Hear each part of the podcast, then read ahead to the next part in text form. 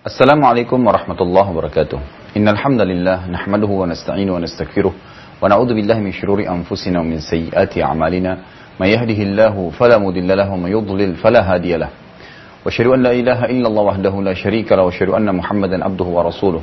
قال الله تعالى يا أيها الذين آمنوا اتقوا الله حق تقاته ولا تموتن إلا وأنتم مسلمون.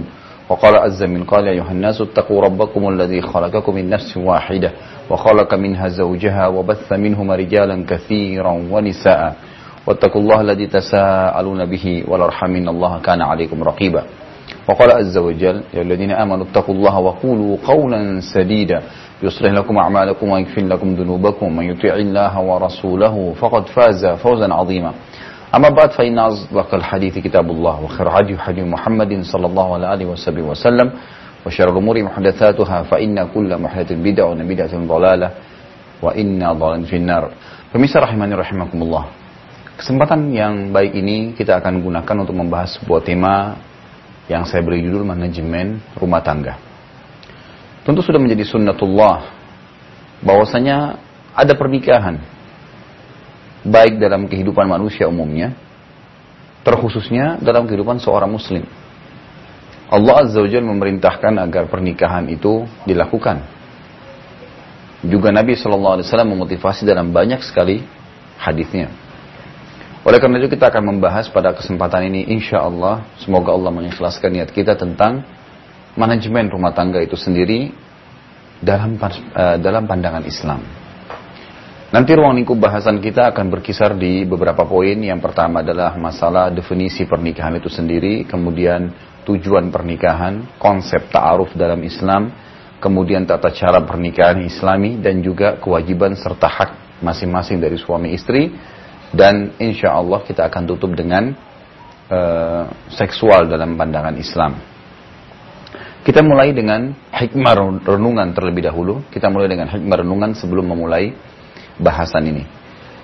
Sudah semestinya bagi pasutri atau pasangan suami istri baik yang sudah melakukan pernikahan atau yang belum atau baru akan merancang pernikahan setelah mereka nanti akad nikah ya, kalau yang sudah menikah maka otomatis sudah langsung memahaminya bahwa mereka sekarang sudah menjadi pasangan yang saling memenuhi hak yang berarti menjalankan kewajiban masing-masing dan senantiasa selalu mengembalikan apa pun sebagai seorang muslim dalam permasalahan kehidupan dia di antaranya rumah tangga kepada Allah Subhanahu wa taala.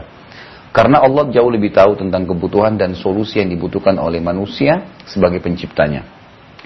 Juga setiap pasangan suami istri hendaklah menjadikan masing-masing dari pasangannya, suami menjadikan istri, istri menjadikan suami sebagai kunci dia untuk masuk ke dalam surga.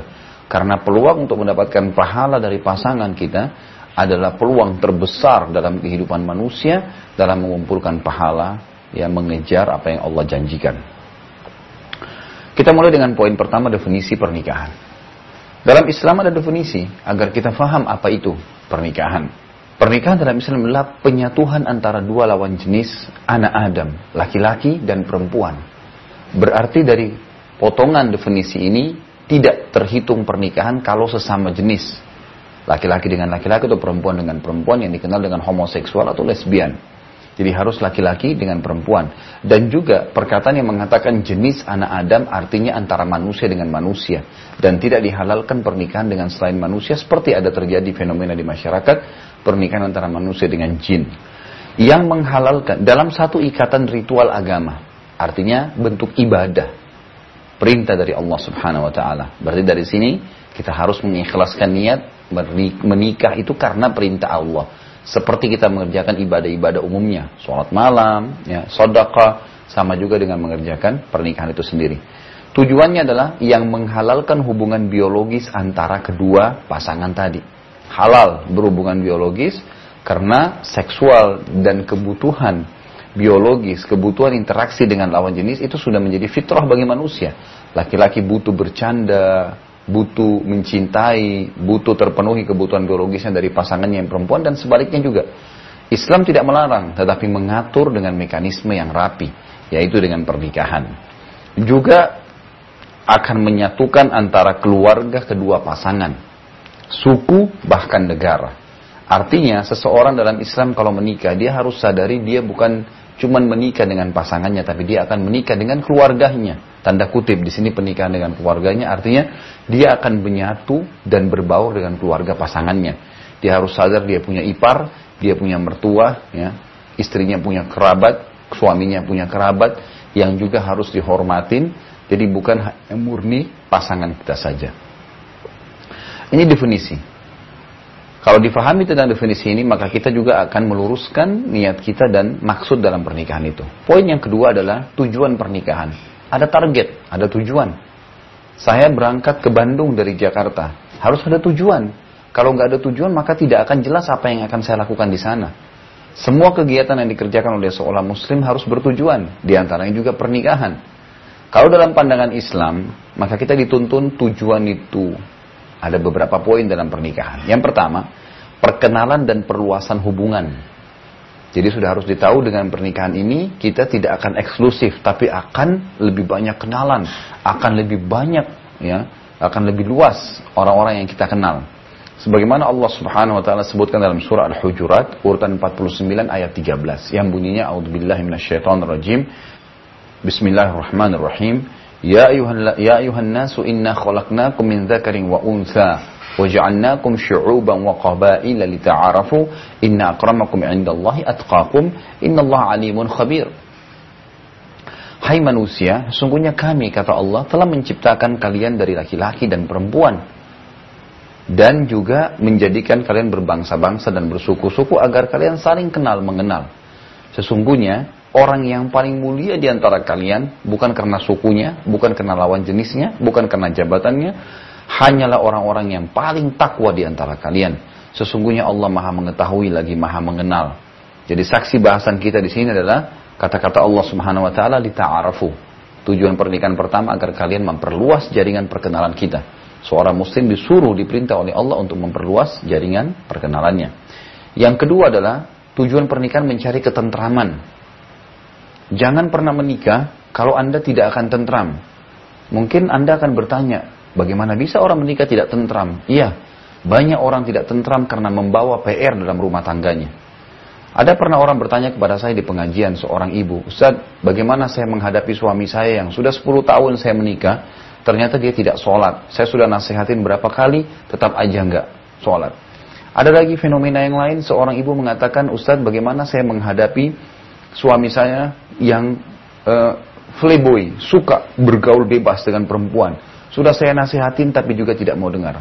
Ada sebaliknya, seorang bapak yang mengatakan istri saya sudah bertahun-tahun saya nikah, 10 tahun, 20 tahun saya suruh berjilbab, tidak mau berjilbab. Ada juga yang mengatakan istri saya tidak mau punya keturunan dan beragam macam hal yang tidak membawa ketentraman. Lalu saya tanya kepada bapak-bapak dan ibu-ibu tadi yang bertanya dengan saya, saya ingin tanya satu hal. Sebelum Anda menikah dengan pasangan Anda, apakah Anda tahu kepada ibu yang pertama tadi, apakah Anda tahu kalau suami Anda ini memang dasarnya adalah playboy? Apakah Anda tahu memang suami Anda ini dasarnya tidak sholat? Jawabannya iya. Maka saya katakan, kenapa Anda menikah? Karena Anda tidak mencari ketentraman dengan menikah dengan orang yang seperti ini. Tadi bapak-bapak juga itu sama. Apakah Anda tahu istilahnya tidak berjilbab pada saat menikah? Iya. Jadi anda kenapa Anda menikah? Kalau Anda menikah berarti Anda harus tahu dia tidak akan berjilbab. Kecuali kalau satu waktu memang Allah mengubah hatinya. Semua itu sangat jelas. Jadi carilah ketentraman dengan pernikahan dengan cara mencari pasangan seperti yang kita inginkan dan yang paling baik adalah orang yang beragama. Ini Allah Subhanahu wa taala sebutkan dalam surah Ar-Rum urutan 2, urutan 30 dalam Al-Qur'an ayat 21. Bunyinya a'udzubillahi minasyaitonirrajim. Wa min ayatihi an khalaqa lakum min anfusikum azwajan litaskunu ilaiha wa ja'ala bainakum mawaddatan wa rahmah inna fi dzalika laayatin liqaumin yatafakkarun. Dan di antara tanda-tanda kekuasaan Allah dia menjadikan untuk kalian istri-istri kalian dari jenis kalian sendiri supaya kalian cenderung dan merasa tentram kepadanya. Jadi mencari ketentraman dengan pernikahan, tidak mem, tidak memperbanyak PR dalam rumah tangga. Dan juga dijadikan di antara kalian kasih sayang dan cinta. Sesungguhnya pada yang demikian itu benar-benar terdapat tanda-tanda kebesaran Allah bagi kaum yang mau memikirkan. Pemirsa jangan ke mana-mana, kita akan kembali setelah fenomena yang satu ini.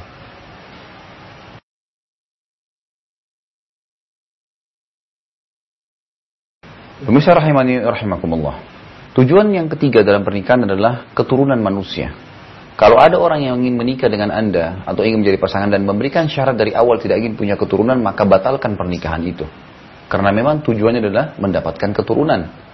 Dan ini Allah Subhanahu wa taala sebutkan dalam surah An-Nahl urutan 16 ayat 72 yang bunyinya a'udzubillahi minasyaitonirrajim wallahu ja'ala lakum min anfusikum azwaja wa ja'ala lakum min azwajikum banina wa hafadha wa razaqakum minat thayyibati afabil batili yu'minuna bi ni'matillahi hum yakfurun Allah lah yang telah menjadikan bagi kalian istri dari jenis kalian sendiri sama manusia dan menjadikan bagi kalian dari istri tersebut anak-anak dan cucu-cucu dan memberikan rezeki dari dari dari sisinya yang baik-baik. Maka mengapa mereka beriman kepada yang batil dan mengingkari nikmat Allah? Mengapa mereka masih berzina? Mengapa mereka masih memilih sesama jenis? Sementara Allah sudah perintahkan nikah dengan lawan jenis, sesama manusia, dan juga memiliki keturunan. Lalu yang keempat, tujuan dari pernikahan adalah bentuk ketaatan dan ibadah kepada Allah dan Rasulnya alaihi salatu wassalam. Sebagaimana Nabi SAW mengingatkan kita dalam hadis yang sahih, An-nikahu sunnati faman ragiba an sunnati falaysa minni. Nikah itu bagian daripada sunnahku. Perintah dari Allah. Bagian daripada ibadah. Maka siapa yang menolak melaksanakannya, dia telah menolak sunnahku. Juga Nabi SAW mengatakan, Barang siapa yang menikah, maka dia telah menyelamatkan setengah agamanya. Maka dia tinggal menjaga setengah yang tersisa. Kata para ulama hadis, maksudnya setengah ini adalah paling banyak godaan orang melanggar hukum Allah itu dengan lawan jenis. Maka dengan dia menikah, ada tempat dia melampiaskan kebutuhan biologis dia, kebutuhan dia dengan lawan jenisnya, maka akan menyelamatkan setengah agamanya. Juga Nabi SAW mengingatkan dalam hadis yang lain, wahai sekalian anak-anak muda, menikahlah menikahlah. Barang siapa yang sudah mampu di antara kalian, maka menikahlah. Karena menikah akan lebih menjaga pandangan mata dari yang haram, serta menjaga kesucian, kemaluan. Kita pindah ke poin yang ketiga adalah konsep ta'aruf dalam Islam.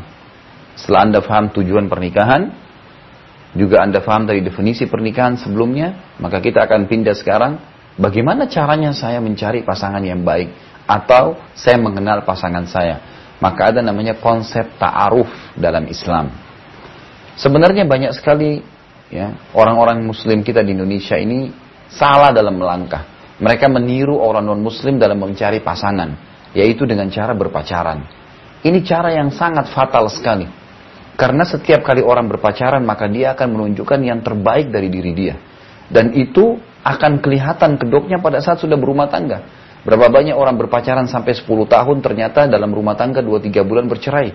Tapi sebaliknya berapa banyak orang justru tidak pernah pacaran sebelumnya berumah tangga sampai mereka punya anak cucu dan bahagia. Karena bukanlah cara untuk kenal pasangan dalam Islam dengan cara pacaran. Pacaran demi Allah tidak ada tujuan kecuali syahwat. Apa yang lain? Melihat pasangan, menikmatinya, memegang, menciumnya, dan terakhir godaan setan akan standar mengatakan, toh kamu juga akan nikah dengan dia dan terjadilah perzinahan. Dan tidak ada demi Allah rumah tangga yang dimulai dengan perzinahan kecuali akan kacau setelahnya. Banyak rumah tangga yang ribut karena memang awal pernikahan mereka mulai dengan kemaksiatan kepada Allah subhanahu wa ta'ala. Lalu pertanyaan, bagaimana caranya supaya saya bisa mengenal pasangan saya kalau saya tidak pacaran? Maka jawabannya adalah sederhana. Dengan mengenal tiga konsep dasar. Yang pertama, kenali fisiknya. Sebagaimana sabda Nabi SAW, sebaiknya salah seorang di antara kalian melihat dari calon pasangannya apa yang menarik untuk dia. Boleh halal pada saat kita sudah niat untuk menikah, melihat. Dan patokan sebenarnya dalam melihat fisik ini adalah wajah dan telapak tangan. Kita tidak butuh untuk melihat seluruh tubuh pasangan kita. Karena itu diharamkan dalam agama. Tapi ulama mengatakan wajah sudah cukup memberikan gambaran dari kepala sampai ke perut dan telapak tangan sudah cukup dari perut sampai ke sampai ke kaki. Dan ini sudah cukup dan ini sudah menjadi rahasia umum di kalangan masyarakat manusia umumnya. Dan dalam Islam ditekankan lagi kembali. Ya. Siapa yang menjadi atau menjadikan rumah, atau memulai rumah tangganya dengan berpacaran maka secara otomatis, secara otomatis nanti dia juga akan sering membuka itu setelah dia menikah. Dan setiap orang selalu menyembunyikan hal-hal yang kurang darinya. Jadi mengenal fisik sudah cukup dengan melihat sebenarnya. Kemudian yang kedua, kenali keluarganya. Kata jumhur ulama, bahwasanya mengenal, kalau ingin mengenal fisiknya, bagaimana nanti keturunan saya kalau saya menikah dengan wanita ini, bagaimana keturunan saya kalau saya menikah dengan laki-laki ini, maka secara fisikal itu semua umum diambil dari keluarga ayah. Keluarga ayah tinggi-tinggi besar, ke anak-anak pun akan seperti itu nantinya. Dan karakter serta sifat diambil dari keluarga ibu. Itu sudah cukup. Secara umum sifat keluarga itu seperti apa, sudah cukup menggambarkan siapa orang yang akan saya nikahi ini. Kemudian yang ketiga, adalah kenali lingkungan dia hidup. Di mana dia bergaul, sama siapa dia bergaul, dia kerja di mana. Itu sudah cukup. Sebagaimana sabda Nabi SAW dalam hadis, ya, Al-mar'u ala dini khalili. Seseorang sesuai dengan agama temannya. Ini konsep ta'aruf dalam Islam. Jadi sebenarnya Anda bisa menikah dalam hitungan ya satu hari atau dua hari saja. Cukup mengumpulkan data dan tidak butuh untuk sampai membuang waktu bertahun-tahun. Dan tanpa Anda sadari Anda sedang menyusun maksiat kepada Allah subhanahu wa ta'ala. Dan rumah tangga dimulai dengan kemaksiatan akan menghasilkan pertengkaran, keributan, kekacauan dan tidak tenang. Ada sedikit fenomena yang perlu Anda ketahui di sini. Islam tidak membedakan antara laki-laki dan perempuan. Dalam Islam disetarakan laki-laki dan perempuan dari sisi ketakwaan. Tapi memang dibedakan dari sisi tugas dan kewajiban. Jadi kita beda dengan orang-orang non-muslim. Dalam Islam memang berbeda. Laki-laki dan perempuan tidak sama. Punya tugas masing-masing. Laki-laki diwajibkan oleh Allah untuk mencari nafkah, melindungi istrinya dan anak-anaknya, menaungi mereka, mendidik mereka. Istri menjaga rumah, mendidik anak, membesarkan mereka, menyusui mereka. Itu tugas. Tidak boleh ditumpah tindih satu sama yang lain. Orang-orang non-muslim memaksakan diri perempuan harus seperti laki-laki sehingga akhirnya bentrok dan tidak ada lagi yang menjalankan kewajiban di rumah. Ini hal yang mendasar.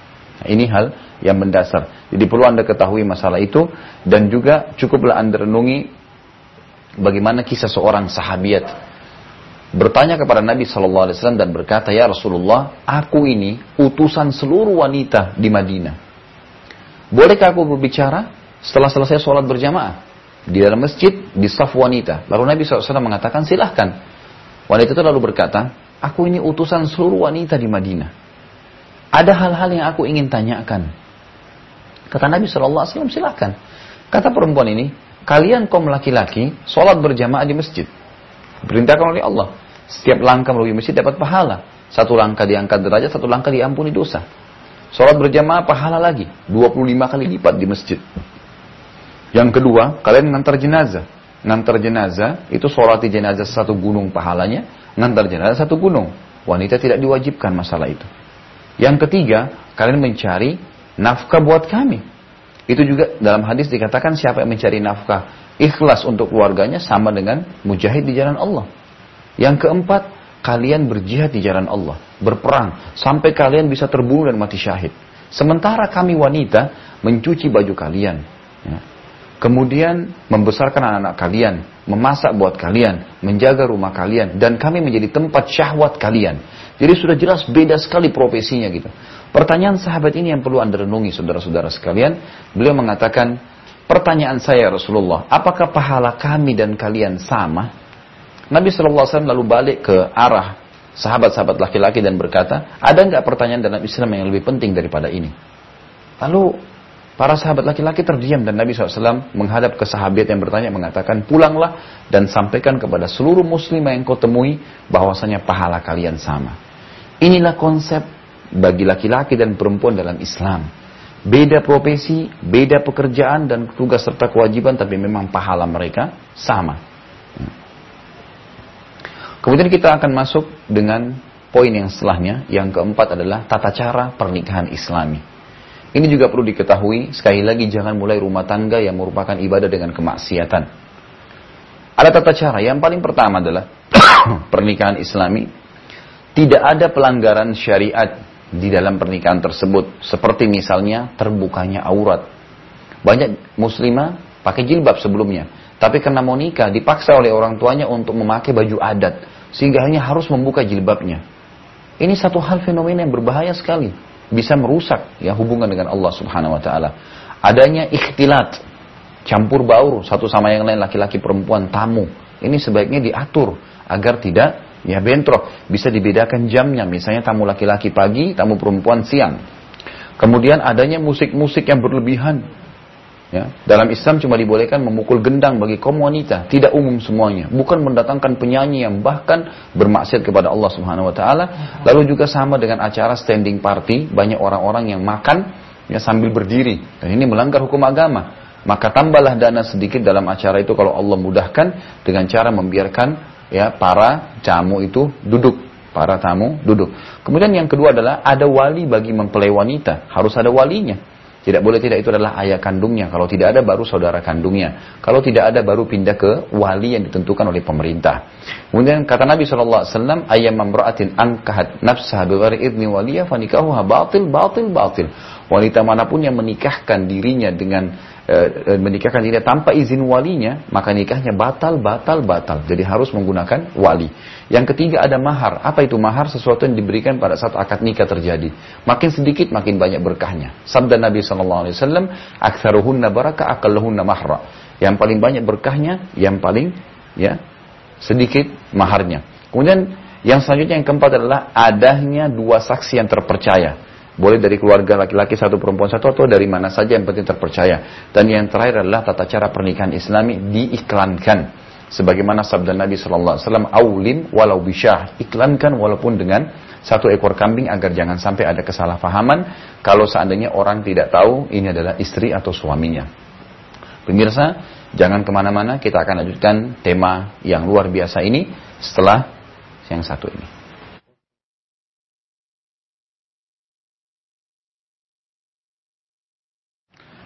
Pemirsa rahimani rahimakumullah. Kita akan masuk ke poin yang kelima berhubungan dengan masalah manajemen rumah tangga ini yaitu hak dan kewajiban masing-masing. Sebelum jauh kita membahas masalah hak dan kewajiban dari suami dan istri atau calon suami dan calon istri ini, ada hikmah renungan terlebih dahulu. Anda bila menjadi seorang muslim harus menyadari sekali lagi pernikahan adalah ibadah kepada Allah Subhanahu wa taala dan Allah telah membebankan hak-hak dan kewajiban dari masing-masing.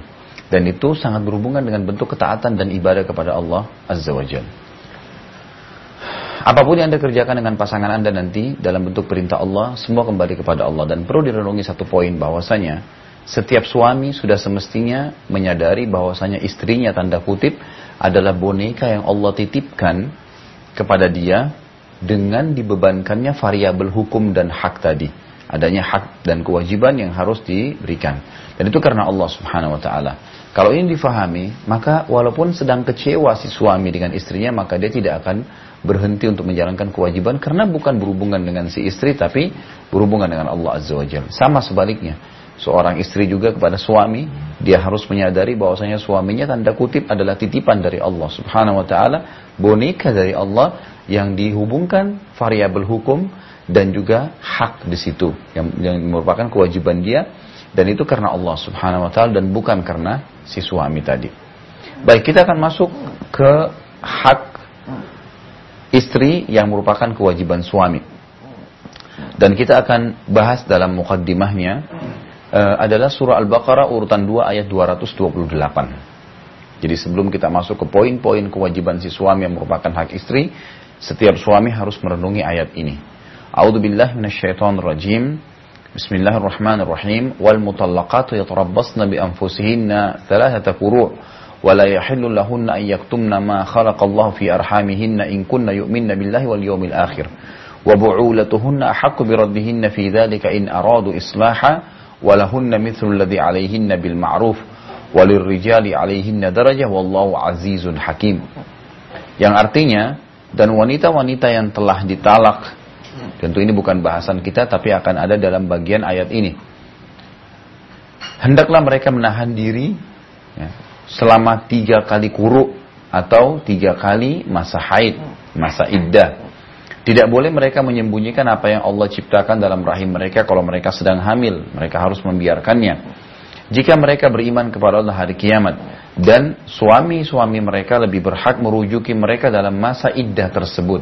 Artinya kalau suami istri bercerai dan masih dalam masa iddah tiga kali masa haid, maka tidak perlu menikah lagi. Cukup rujuk. Saling memaafkan atau saling berbaikan maka sudah cukup. Tapi kalau sudah lebih dari masa tiga kali masa haid, berarti harus dimulai dengan pernikahan baru dengan syarat-syarat pernikahan umumnya ada mahar, ada wali dan seterusnya. Kemudian jika mereka para suami menghendaki islah, perbaikan, maka para wanita tersebut mempunyai hak yang seimbang dengan kewajibannya. Di sini poin penting. Ini yang kita ingin titik beratkan bahwasanya lah walahunna mithlul ladzi alaihinna bil ma'ruf. Sebagaimana suami berharap istrinya melakukan apa yang dia inginkan, maka si suami pun harus memberikan sesuai seimbal dengan apa yang dibebankan sebagai kewajiban si istri tadi. Walirjali alaihinna daraja dan juga ya semestinya si suami itu memiliki satu tingkat lebih tinggi dari istrinya. Artinya di sini suami harus tahu dia adalah pemimpin dari istrinya.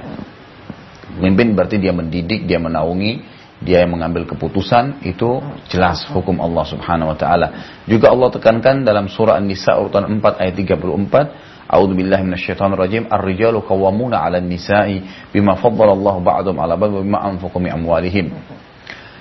Laki-laki itu adalah pemimpin bagi kaum wanita dan oleh karena itu itu semua disebabkan karena Allah telah melebihkan sebagian mereka laki-laki dari sebagian yang lain wanita. Ini jelas sekali dan juga karena mereka laki-laki diwajibkan dibebankan untuk menafkahkan sebagian dari harta mereka untuk si wanita. Baik kita masuk kepada kewajiban si suami. Setelah dia fahami dia seorang pemimpin, lalu apa yang harus dilakukan?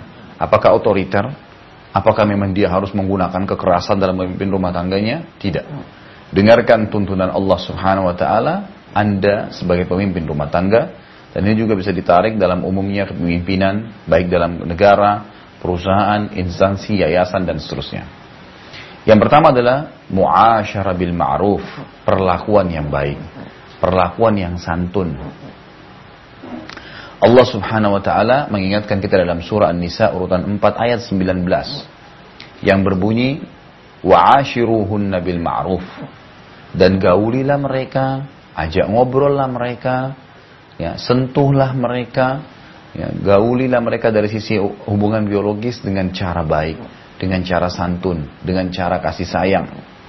Juga Rasulullah Sallallahu Alaihi Wasallam telah bersabda berhubungan dengan masalah kewajiban pertama suami ini muasyarah bil ma'ruf bermuamalah yang baik ya, santun dengan istrinya dalam hadis sahih riwayat Imam Ahmad Tirmidzi dan Ibnu Hibban yang berbunyi orang yang paling sempurna imannya di antara kalian adalah orang yang paling baik akhlaknya paling santun dan orang yang paling sempurna akhlaknya di antara kalian adalah orang yang paling baik dan lembut dengan istrinya Berarti jelas sekali tuntunan suami harus berlemah lembut dengan istrinya.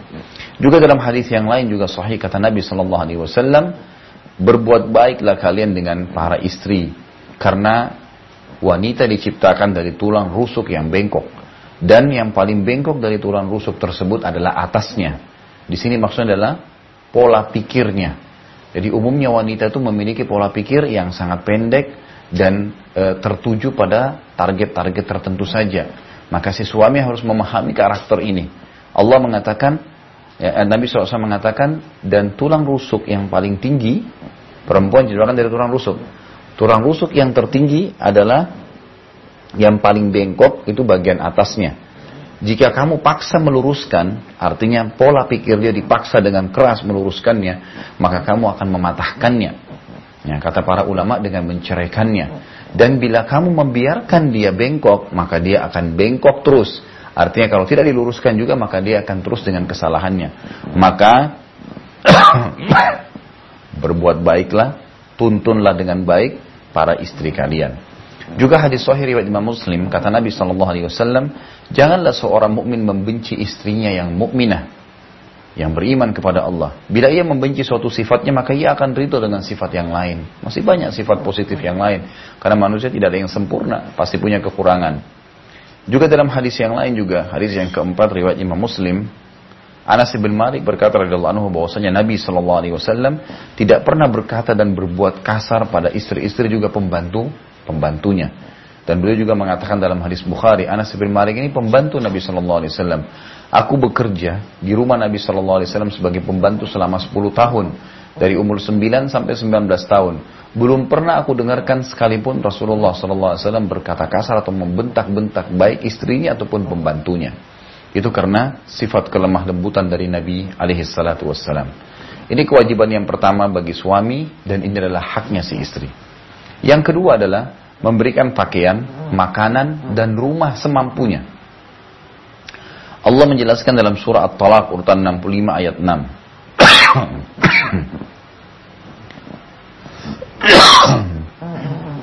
A'udzu billahi rajim. Bismillahirrahmanirrahim. Askinuhunna min haitsu sakantum min wujdikum wa la litudayyiqu 'alayhin wa in kunna ulatu hamlin fa'anfiqu 'alayhinna hatta yadha'na hamlahun fa in arda'na lakum fa'atuhunna ujurahunna wa'tamiru bainakum bima'ruf wa. Tempatkanlah mereka para istri di tempat di mana kalian bertempat tinggal menurut kemampuan kalian di sini saya sering sampaikan bahkan dalam banyak pengajian saya, walaupun hanya kontrak, yang penting berumah tangga sendiri. Dan dianjurkan oleh para ulama agar setiap orang yang berumah tangga itu pisah dengan mertuanya, pisah dengan orang tuanya. Dia harus memulai rumah tangga sendiri, walaupun dengan gubuk yang kecil. Karena Allah Subhanahu Wa Taala menyuruh dia untuk menggunakan ya mencari tempat tinggal semampu dia, ya, dan mengajak istrinya untuk berumah tangga bersama dia. Allah mengatakan tempatkanlah mereka para istri di mana kamu bertempat tinggal menurut kemampuanmu dan jangan kamu menyusahkan mereka untuk menyempitkan hati mereka. Mungkin dia sudah sabar, jangan lagi dicari masalah-masalah. Dan jika mereka para istri sudah ditalak, sementara mereka sedang hamil, maka berikanlah kepada mereka nafkahnya hingga mereka bersalin. Artinya tetap wajib memberikan kebutuhan bulanan. Kemudian jika mereka menyusui anak-anak kalian, maka berikanlah kepada mereka upahnya Ya berikanlah nafkah itu berjalan dan musyawarahlah di antara kalian dengan cara yang baik. Dan jika kamu menemukan kesulitan menyusui, maka wanita lain boleh menyusuinya. Juga Nabi Shallallahu Alaihi Wasallam mengatakan jagalah para istri kalian. Sesungguhnya kalian punya hak atas istri-istri kalian dan juga mereka punya hak atas kalian. Hak mereka dari kalian ialah kalian memberikan yang terbaik dari pakaian semampunya. Juga makanan untuk mereka dan hak kalian dari mereka mereka tidak boleh berkhianat dan tidak memasukkan siapa pun yang kalian tidak senangi ke dalam rumah kalian. Dan hadis ya, yang selanjutnya adalah kata Nabi Wasallam riwayat Imam Muslim, riwayat Imam Muslim Abu Daud dan juga Tirmidzi bertakwalah pada Allah pada wanita sebab mereka tawanan di tangan kalian yang kalian nikahi dengan amanah dari Allah dan terhalalkan bagi kalian kemaluan mereka dengan kalimat Allah mereka punya hak atas kalian untuk diberi nafkah dan pakaian secara ma'ruf. Tentu materi kita masih akan berlanjut pemirsa rahimahumullah, tapi kita ikuti yang satu ini dulu.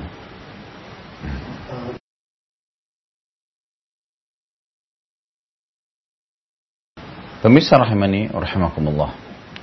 Kita akan masuk ke poin yang kelima berhubungan dengan masalah manajemen rumah tangga ini yaitu hak dan kewajiban masing-masing. Sebelum jauh kita membahas masalah hak dan kewajiban dari suami dan istri atau calon suami dan calon istri ini, ada hikmah renungan terlebih dahulu. Anda bila menjadi seorang muslim harus menyadari sekali lagi pernikahan adalah ibadah kepada Allah Subhanahu wa taala dan Allah telah membebankan hak-hak dan kewajiban dari masing-masing. Dan itu sangat berhubungan dengan bentuk ketaatan dan ibadah kepada Allah Azza wa Jalla.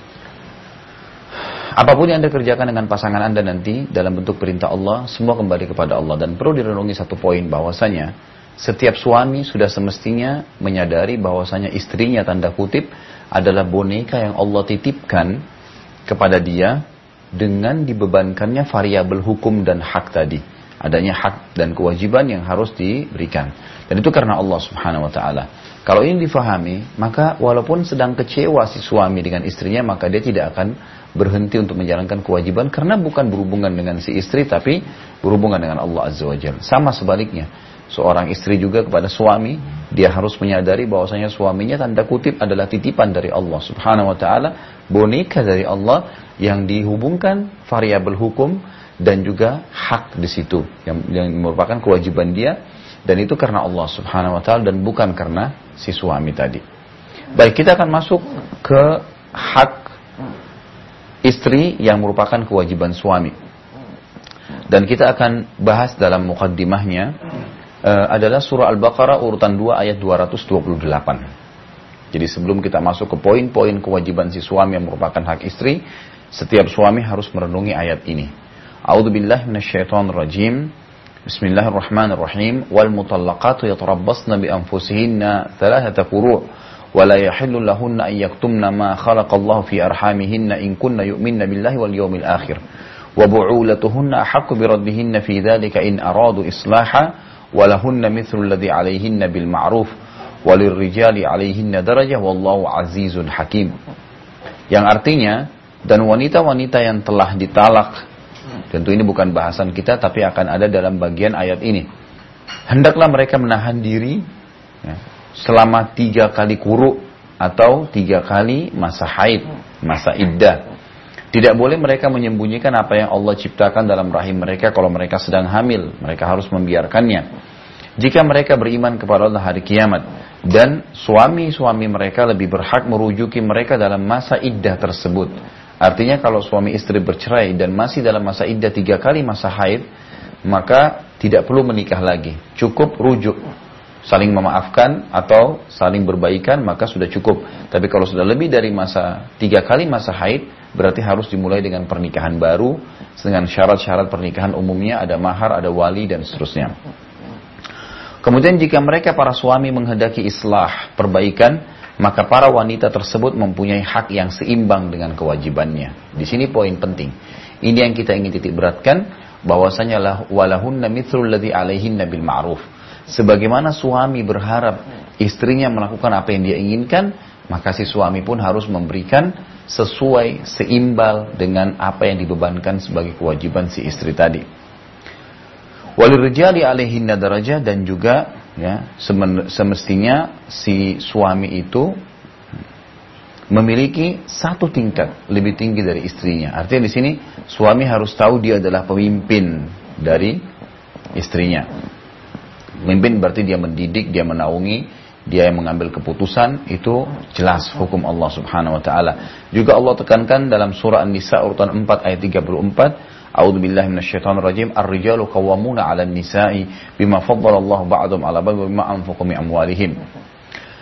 Laki-laki itu adalah pemimpin bagi kaum wanita dan oleh karena itu itu semua disebabkan karena Allah telah melebihkan sebagian mereka laki-laki dari sebagian yang lain wanita.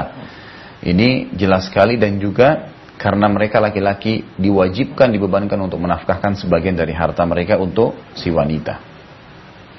Baik kita masuk kepada kewajiban si suami. Setelah dia fahami dia seorang pemimpin, lalu apa yang harus dia lakukan? Apakah otoriter? Apakah memang dia harus menggunakan kekerasan dalam memimpin rumah tangganya? Tidak. Dengarkan tuntunan Allah Subhanahu wa taala, Anda sebagai pemimpin rumah tangga dan ini juga bisa ditarik dalam umumnya kepemimpinan, baik dalam negara, perusahaan, instansi, yayasan, dan seterusnya. Yang pertama adalah muasyarah bil ma'ruf, perlakuan yang baik, perlakuan yang santun. Allah Subhanahu wa taala mengingatkan kita dalam surah An-Nisa urutan 4 ayat 19 yang berbunyi wa'ashiruhunna bil ma'ruf dan gaulilah mereka, ajak ngobrollah mereka ya sentuhlah mereka ya gaulilah mereka dari sisi hubungan biologis dengan cara baik dengan cara santun dengan cara kasih sayang. Juga Rasulullah Sallallahu Alaihi Wasallam telah bersabda berhubungan dengan masalah kewajiban pertama suami ini muasyarah bil ma'ruf bermuamalah yang baik ya, santun dengan istrinya. Dalam hadis sahih riwayat Imam Ahmad Tirmidzi dan Ibnu Hibban yang berbunyi orang yang paling sempurna imannya di antara kalian adalah orang yang paling baik akhlaknya paling santun dan orang yang paling sempurna akhlaknya di antara kalian adalah orang yang paling baik dan lembut dengan istrinya. Berarti jelas sekali tuntunan suami harus berlemah lembut dengan istrinya. Juga dalam hadis yang lain juga sahih kata Nabi Shallallahu Alaihi Wasallam berbuat baiklah kalian dengan para istri karena wanita diciptakan dari tulang rusuk yang bengkok dan yang paling bengkok dari tulang rusuk tersebut adalah atasnya. Di sini maksudnya adalah pola pikirnya. Jadi umumnya wanita itu memiliki pola pikir yang sangat pendek dan e, tertuju pada target-target tertentu saja. Maka si suami harus memahami karakter ini. Allah mengatakan, ya, Nabi SAW mengatakan, dan tulang rusuk yang paling tinggi, perempuan dijauhkan dari tulang rusuk. Tulang rusuk yang tertinggi adalah yang paling bengkok itu bagian atasnya. Jika kamu paksa meluruskan, artinya pola pikir dia dipaksa dengan keras meluruskannya, maka kamu akan mematahkannya. Ya, kata para ulama dengan menceraikannya. Dan bila kamu membiarkan dia bengkok, maka dia akan bengkok terus. Artinya kalau tidak diluruskan juga, maka dia akan terus dengan kesalahannya. Maka berbuat baiklah, tuntunlah dengan baik para istri kalian. Juga hadis sahih riwayat Imam Muslim kata Nabi sallallahu alaihi wasallam, janganlah seorang mukmin membenci istrinya yang mukminah yang beriman kepada Allah. Bila ia membenci suatu sifatnya, maka ia akan ridho dengan sifat yang lain. Masih banyak sifat positif yang lain. Karena manusia tidak ada yang sempurna, pasti punya kekurangan.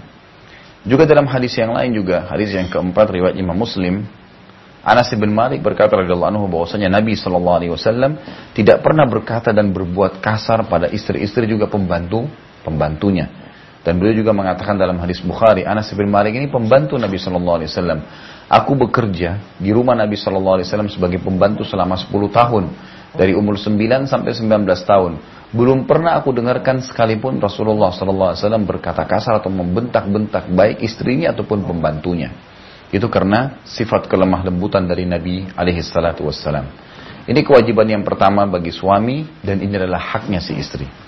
Yang kedua adalah memberikan pakaian, makanan, dan rumah semampunya.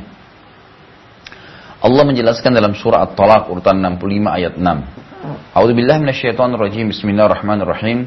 Askinuhunna min haitsu sakantum min wujdikum wa la tudarruhunna litudayyiqu 'alayhin wa in kunna ulatu hamlin fa'anfiqu 'alayhinna hatta yadh'na hamlahun fa in arda'na lakum fa'atuhunna ujurahunna wa'tamiru bainakum bima'ruf wa in ta'assartum fasaturdi'u lahu ukhra Tempatkanlah mereka para istri di tempat di mana kalian bertempat tinggal menurut kemampuan kalian. Di sini saya sering sampaikan bahkan dalam banyak pengajian saya, walaupun hanya kontrak, yang penting berumah tangga sendiri. Dan dianjurkan oleh para ulama agar setiap orang yang berumah tangga itu pisah dengan mertuanya, pisah dengan orang tuanya. Dia harus memulai rumah tangga sendiri, walaupun dengan gubuk yang kecil. Karena Allah Subhanahu Wa Taala menyuruh dia untuk menggunakan ya mencari tempat tinggal semampu dia ya, dan mengajak istrinya untuk berumah tangga bersama dia. Allah mengatakan tempatkanlah mereka para istri di mana kamu bertempat tinggal menurut kemampuanmu dan jangan kamu menyusahkan mereka untuk menyempitkan hati mereka. Mungkin dia sudah sabar, mangan lagi dicari masalah-masalah. Dan jika mereka para istri sudah ditalak, sementara mereka sedang hamil, maka berikanlah kepada mereka nafkahnya hingga mereka bersalin. Artinya tetap wajib memberikan kebutuhan bulanan. Kemudian jika mereka menyusui anak-anak kalian, maka berikanlah kepada mereka upahnya. Ya, berikanlah nafkah itu berjalan dan musyawarahlah di antara kalian dengan cara yang baik. Dan jika kamu menemukan kesulitan menyusui, maka wanita lain boleh menyusuinya. Juga Nabi SAW mengatakan jagalah para istri kalian, sesungguhnya kalian punya hak atas istri-istri kalian dan juga mereka punya hak atas kalian. Hak mereka dari kalian ialah kalian memberikan yang terbaik dari pakaian, semampunya. Juga makanan untuk mereka dan hak kalian dari mereka mereka tidak boleh berkhianat dan tidak memasukkan siapa pun yang kalian tidak senangi ke dalam rumah kalian. Dan hadis ya, yang selanjutnya adalah kata Nabi Wasallam riwayat Imam Muslim, riwayat Imam Muslim Abu Daud dan juga Tirmidzi bertakwalah pada Allah pada wanita sebab mereka tawanan di tangan kalian yang kalian nikahi dengan amanah dari Allah dan terhalalkan bagi kalian kemaluan mereka dengan kalimat Allah mereka punya hak atas kalian untuk diberi nafkah dan pakaian secara ma'ruf. Baik pemirsa rahimahullah rahimakumullah, kita akan lanjutkan lagi di pertemuan yang akan datang. Semoga saja Anda masih bisa mengikutinya dan semoga bermanfaat. Sampai ketemu. Wassalamualaikum warahmatullahi wabarakatuh.